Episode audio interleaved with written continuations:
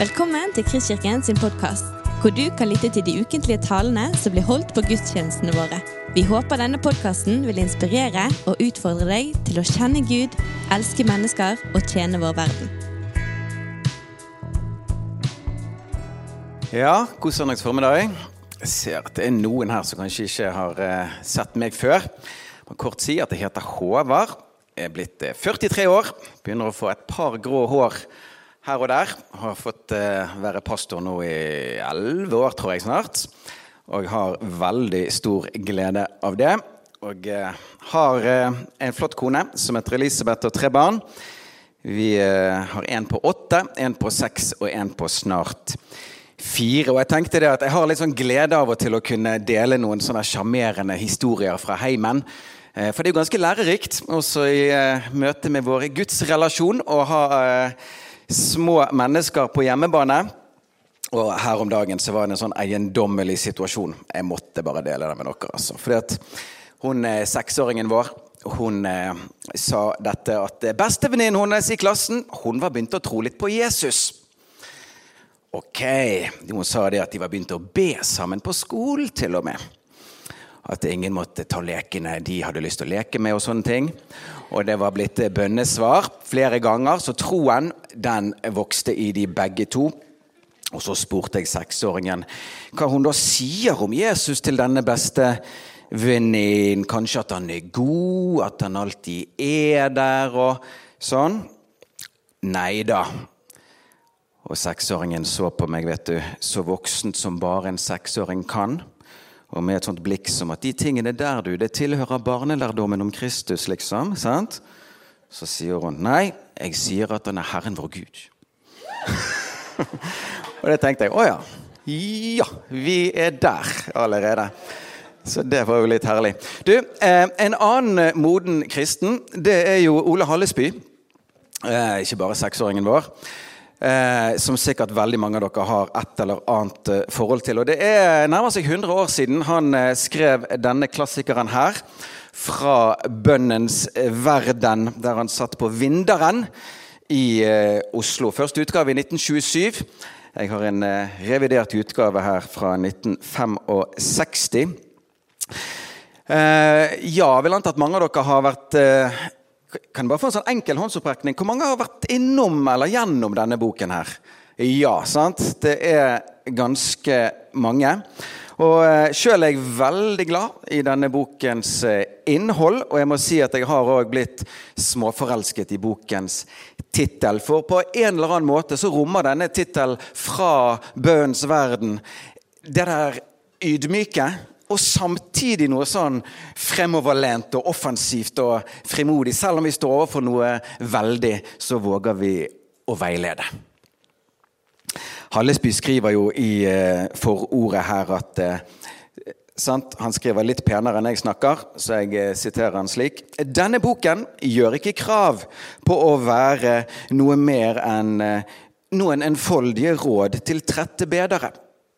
Og mener seg ikke å gi noen uttømmende behandling av dette rike emnet. Derfor bærer den tittelen 'Fra bønnens verden'.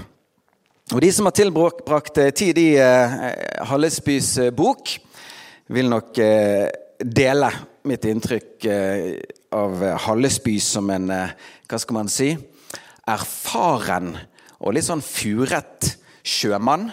Som har vært på eh, havet i tiår etter tiår.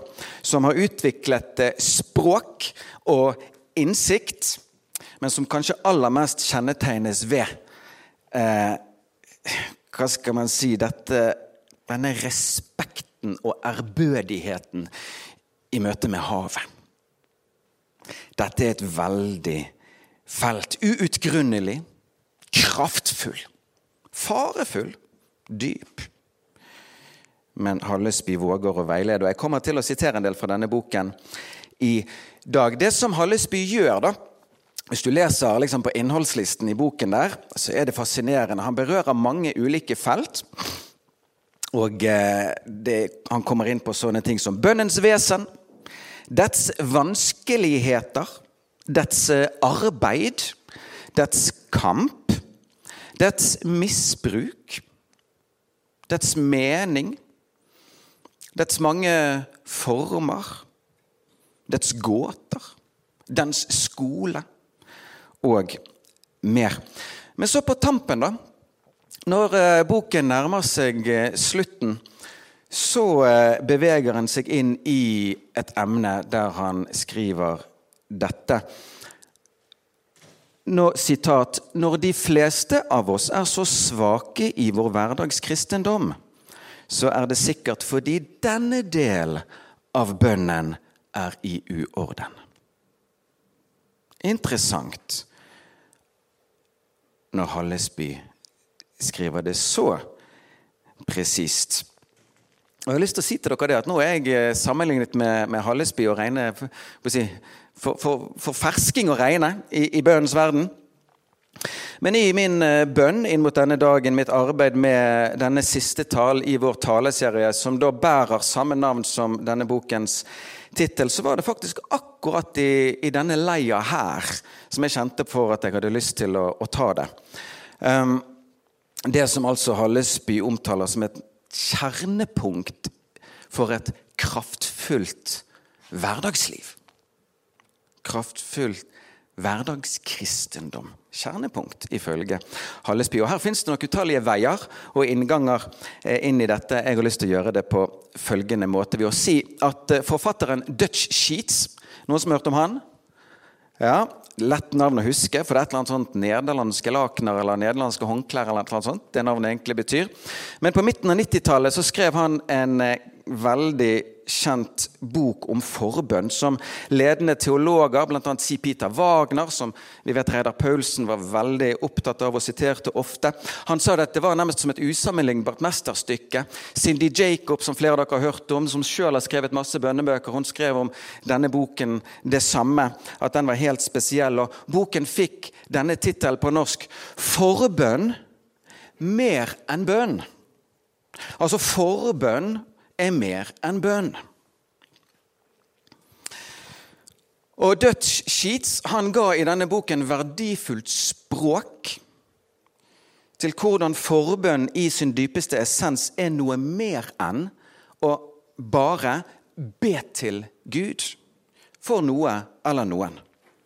Veldig kort oppsummert og litt sånn fritt gjengitt fra hans bok forbønn er en forlengelse av Jesu tjeneste som mellommann. Vi går imellom Gud og menneskeheten i den hensikt å forlike verden med Han. Eller vi går imellom Satan og menneskeheten i den hensikt å sette seieren fra Golgata ut i livet.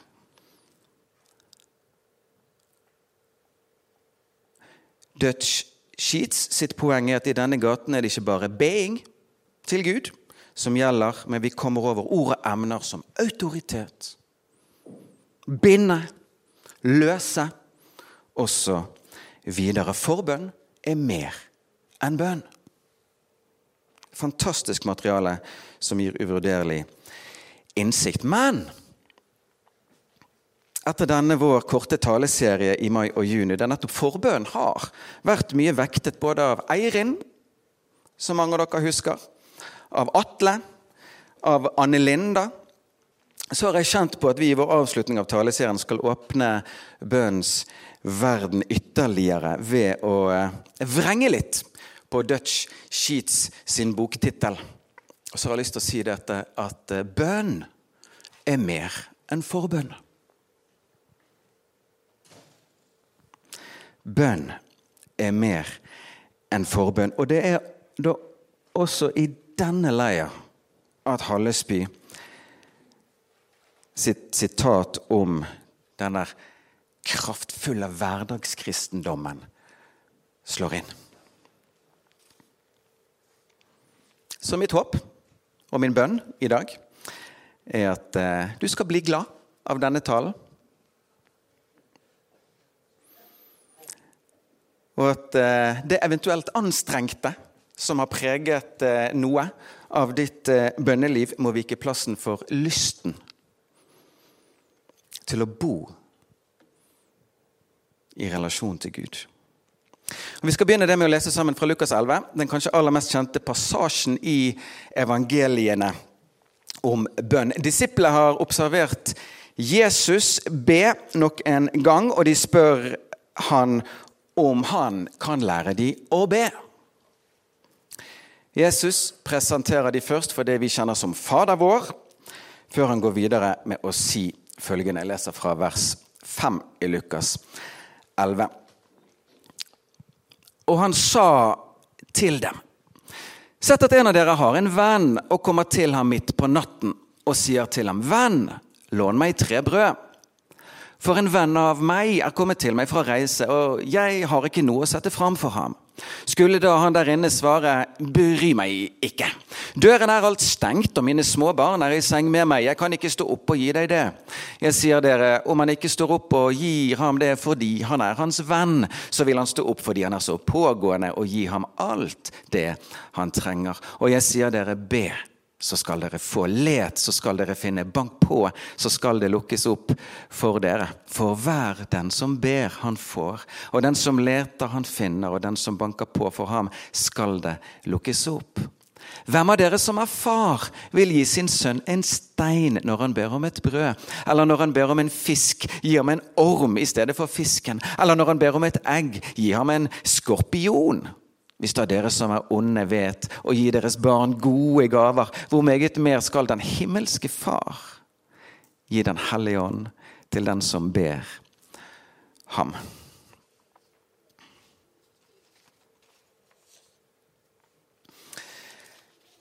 Du, i eh, fotballens verden så har vi et begrep som vi kaller lissepasning. Får du en lissepasning, så handler det om en utsøkt avlevering fra en av dine medspillere til deg. Du kan ikke klage på avleveringen i retning av deg. Din anstrengelse blir minimal. Det er det samme som å få noe servert på sølvfart. Dere, når Jesus, Guds sønn, bønnens opphavsmann får denne forespørsel av unge, lærelystne, trippende, villige etterfølgere. Lær oss å be! Så får han en lissepasning. Det er sølvfat. Det er duk og dekket bord. Og Når vi kommer over et sånt øyeblikk i Jesu jordeliv, så gjør vi lurt i å spisse ørene litt sånn ekstra. Hva sier han nå? Hva kommer nå, når man har fått en slik lissepasning? Vil han snakke om krigføring? Og oss som soldater i denne bønnens verden?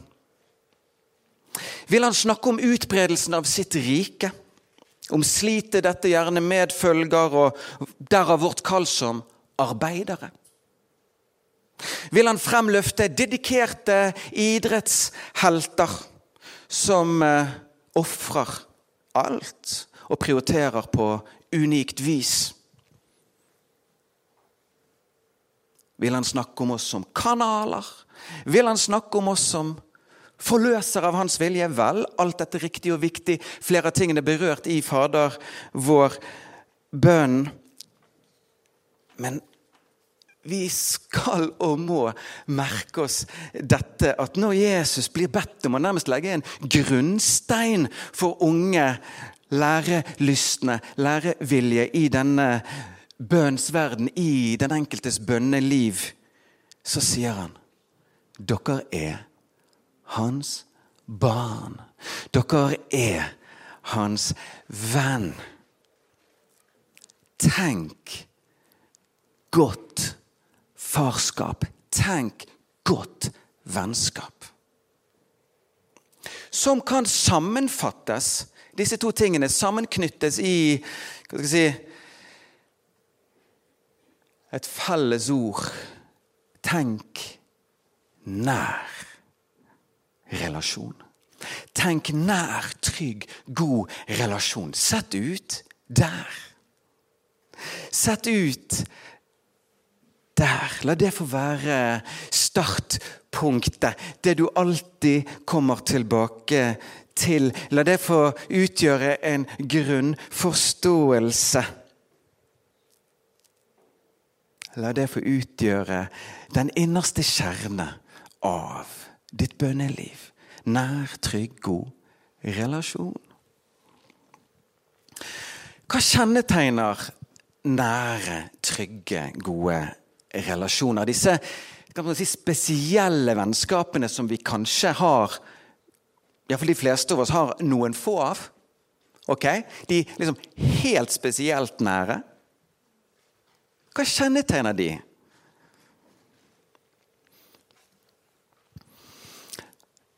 Jeg aner at Hvis vi hadde spurt en gruppe ungdomsskoleelever f.eks. Hva kjennetegner en sånn nær, trygg, god relasjon? Så ville man satt ord på noe som er veldig viktig også i bønnens verden. Men jeg tror kanskje mange av de ville sagt noe slikt som at eh, det er en du kan være helt åpen med.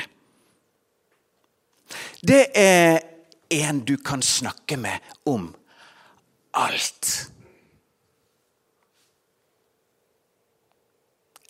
Som sagt enormt viktig i bønnelivet. La oss kalle det for den frie, trygge, upolerte samtalen.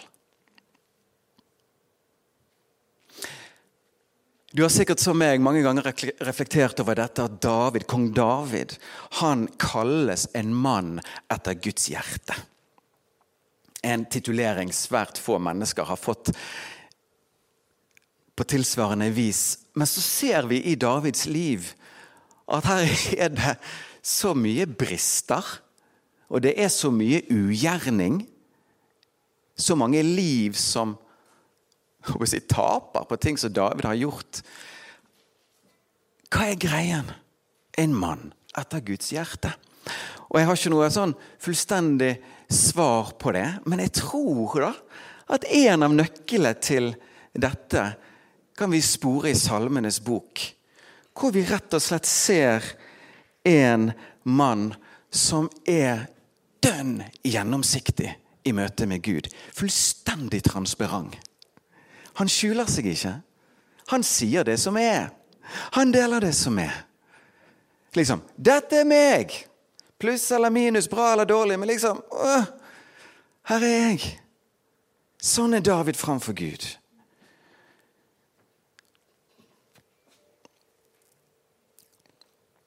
Og gjennom det så røper han òg en veldig trygghet på Gud. På at han forstår, han vet at jeg er velkommen og ønsket alltid og uansett. Istedenfor at jeg skjuler meg, så er du mitt skjulested. Istedenfor at jeg går fra deg og løper fra deg med min synd og mine skrøpeligheter, så løper jeg til deg med min synd og mine skrøpeligheter, for det er trygt. Sånn er du. Dette er den du er. Gud er en som David kan snakke med om alt. La oss kalle det igjen trygg, fri, upolert samtale. Og Hallesby skriver om eh, liksom, Sitatet er den frie og naturlige utveksling av tanker mellom to. Og han sier det at Jo mer samtalen mellom de to omfatter, jo rikere lever de sammen. Og Hallesby oppmuntrer til slik fortrolig, åpen samtale med Gud. Jeg skal ta og lese litt. Det er ikke vits i å prøve å si det bedre når det er sagt så bra. Og Den første setningen her er jo hovednøkkel nærmest i hele Hallesbys bønneundervisning. Han skriver det at bønn er å slippe Jesus inn i vårt liv. Han er veldig tydelig på at bønn alltid i sin dypeste instans er en respons. Vel, Bønn er å slippe Jesus inn i vårt liv. Han banker på og vil inn. Ikke bare i de høytidelige bønnestunder, når du bøyer dine kne og folder dine hender i enerom, eller når du sitter i de helliges forsamling til fellesbønn. Nei, han banker på og vil inn til deg midt i ditt daglige arbeid og strev og mas. Da trenger du det mest. Og han vil inn til deg for å holde nattverd med deg. Han ser at du trenger aldri å styrkes av ham slik som midt i dagens strid. Lytt derfor når Jesus banker på, midt i ditt daglige arbeid og din hvile.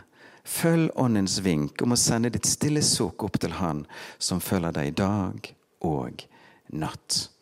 Bønn, sier Hallesby, er ikke bare å tigge. Han som har gitt oss bønnen, han blir aldri trett av oss, selv om vi aldri gjør annet i vår bønn enn å tigge. Men han ønsker likevel å lære oss også å samtale med ham i bønn. Hallesby skriver videre dette at etter at jeg selv fikk barn, forstår jeg dette bedre. De kommer til meg med alt det som går i stykker for dem, og de har en vidunderlig tro på at far skal greie å sette det i stand igjen. Og har de sett noe hos sine kamerater som de selv ikke har, så kommer de inn for å be om å få noe slikt, de også. Dette er gildt. Selv om jeg ikke kan sette i stand alt det som går i stykker for dem, og enda mindre kan jeg gi dem alt det de ber om. Men jeg vet noe som gjør mitt hjerte enda mer glad. At de kommer inn, stormende den ene over den andre, for å fortelle noe de har opplevd. Og de er så opptatt av dette at de snakker i munnen på hverandre for å fortale det fortest mulig. Slik gleder det også Gud når vi, hans små barn, kjenner trang til å tale med ham om det vi opplever om dagen.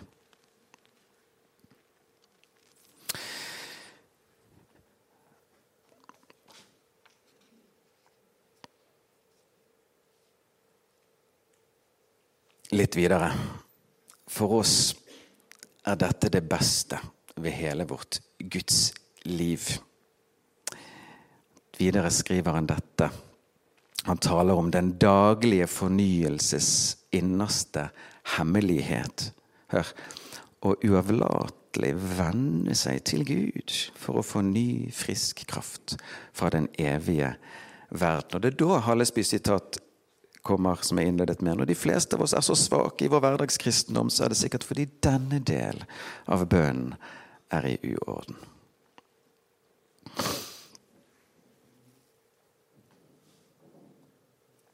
Så Gud er en av de få nære vi har i våre liv, som vi kan snakke med om alt.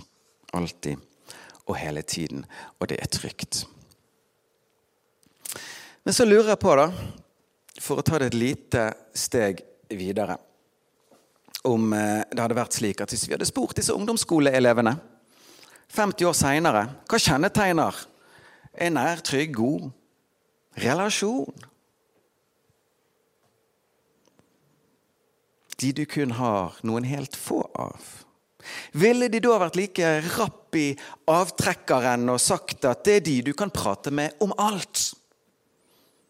Mon tror om ikke flere av de hadde sagt at eh, det er de du kan være sammen med uten at det behøves så mange ord.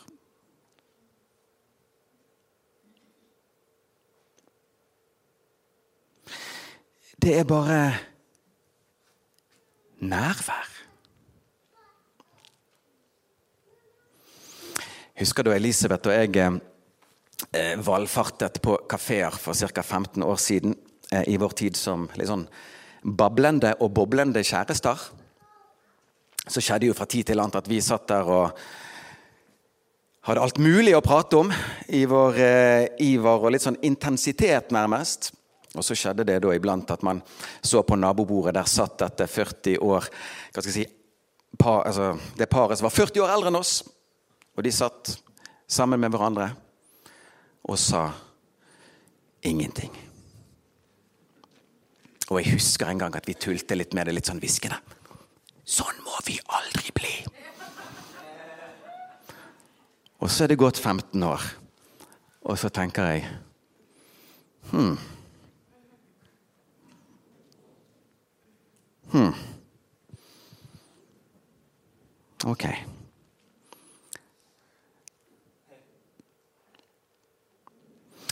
Du, kanskje er det litt sånn da, at i starten av en relasjon så går snakketøyet ganske radig. Sant? Kanskje noen av dere har lyst til akkurat nå å smette inn at eh, enkelte nære i ditt liv aldri har brutt ut av akkurat det mønsteret.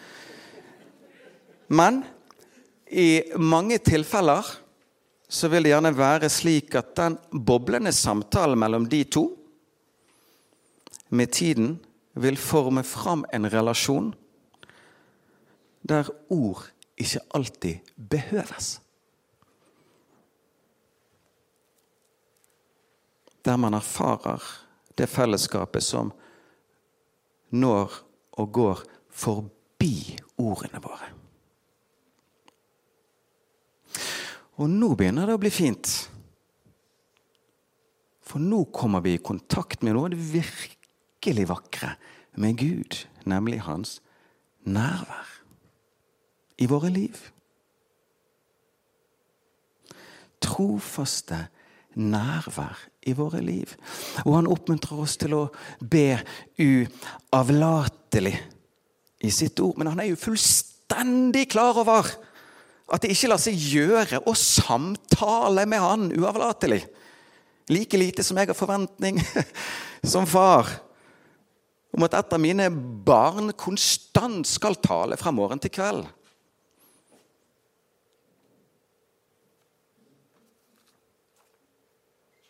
Hallesby igjen. Sitat.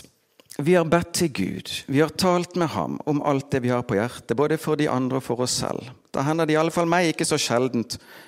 Da har jeg ikke mer å tale med Gud om. Skulle jeg fortsette å be med ord, så ville jeg bare måtte gjenta det jeg har talt med ham om. Da kjennes det så vidunderlig godt å si til Gud, får jeg lov å sitte stille her hos deg.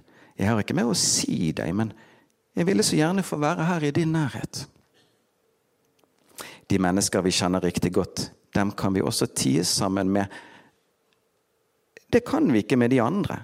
Dem må vi konversere, underholde med interessante og dypsindige ting. Med våre kjære kan vi fritt få tale om alminnelige og ubetydelige ting, og med dem kan vi også tie. Heller ikke Gud behøver vi å konversere. Vi kan få lov til å sette oss inn til ham og hvile.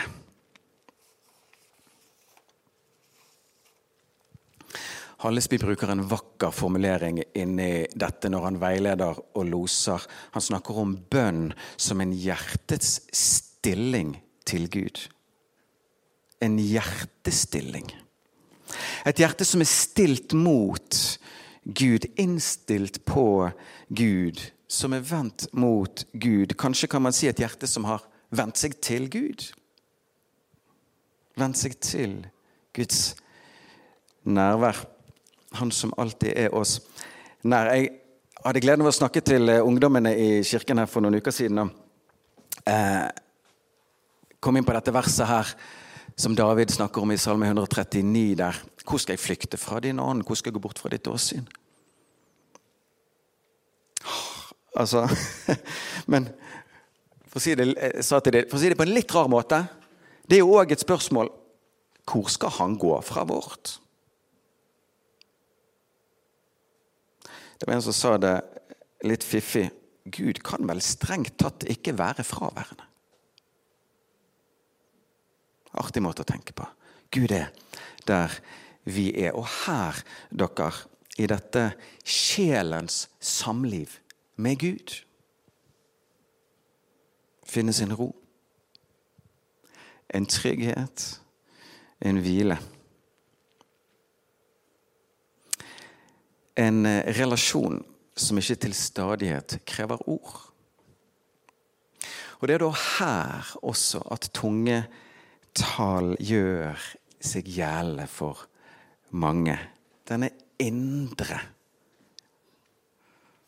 dialogen som forbigår vår forstand, men som tydelig bevitner at jeg er i relasjon med deg. Jeg føler deg. Jeg er var for deg. Fullverdig kommunikasjon. Jeg hørte en som sa dette på en nydelig måte. Tungetale er de elskendes språk. Ideelt for intimitet sludder for utenforstående.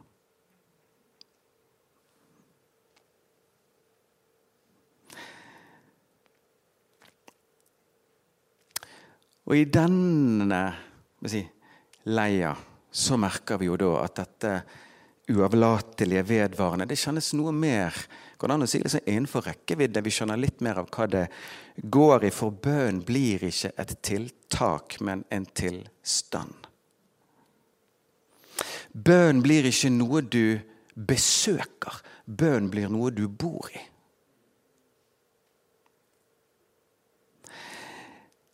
Bønn blir ikke dypest sett og aller mest enn noe anstrengende. Det blir noe godt og hvilende.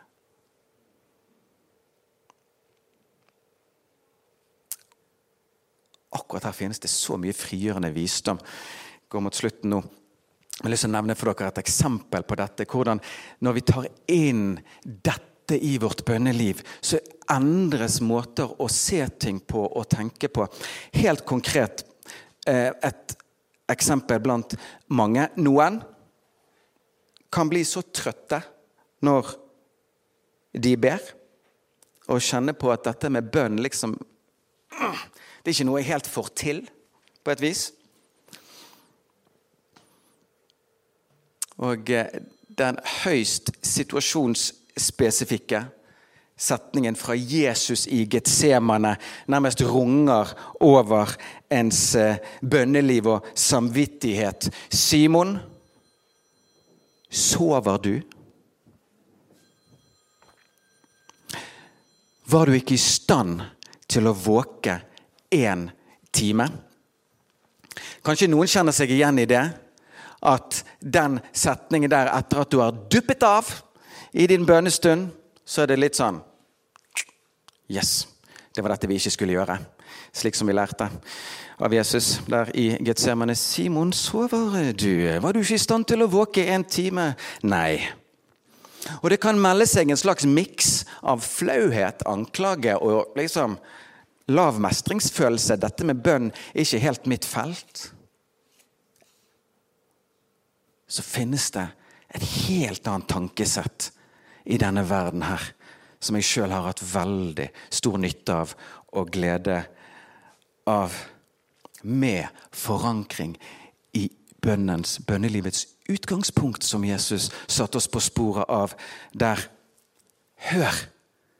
Det er da få ting som er så vakkert i våre liv som når et barn du er glad i, sovner i fanget ditt. Har du opplevd det? At et barn du er glad i, sovner i fanget ditt. Hallo! Dette er skjønt. Det er vakkert. Vet du hva? Jeg hørte en som sa det der en gang, og jeg tok det bare med hjem. For jeg er en som til stadighet dupper av. Og merker at min stille stund blir i overkant stille. Vel, tidligere så kunne det være litt sånn Da! Vet du hva? Nei. Mer og mer så kan jeg våkne med en god følelse. Det er jo ikke noe bedre sted heller å sovne enn i min fars nærvær. Kanskje trengte jeg hvile der og da. Så dere, uten å ta noe som helst fra ting som har vært tidligere, fra forbønns verdi og viktighet, for den er ja, alt mulig som er blitt sagt. La oss bare få løfte det opp og fram. Men bønn er mer enn forbønn. Og Gud vil at dette skal få være det dypeste forankringspunktet i vårt bønneliv. For hvis ikke det er det, dere, og da kan du Kristoffer, gjøre det klart komme opp og overta for meg eh, Hvis ikke det er det, så tror jeg at mange vil oppleve det at eh, bønnelivet med tiden kan bli litt trøttende. Eh, litt i overkant tiggende. Be om noe mer. Eh, forandre noe eller noen. Krige, arbeide. Vel og bra. Men om jeg igjen får knytte det til dette med samliv, så har man jo hørt i alle år at det beste utgangspunktet for et samliv, for alt man skal gjøre sammen og skape sammen og utrette og utføre sammen, det er et godt vennskap. Slik er det òg med Gud, og slik er det òg i bønnens verden. Amen. Du har lyttet til en podkast fra Kristkirken i Bergen. Vi håper du har blitt inspirert og utfordret i din vandring med Gud. Vil du vite mer om oss, så klikk deg inn på kristkirken.no.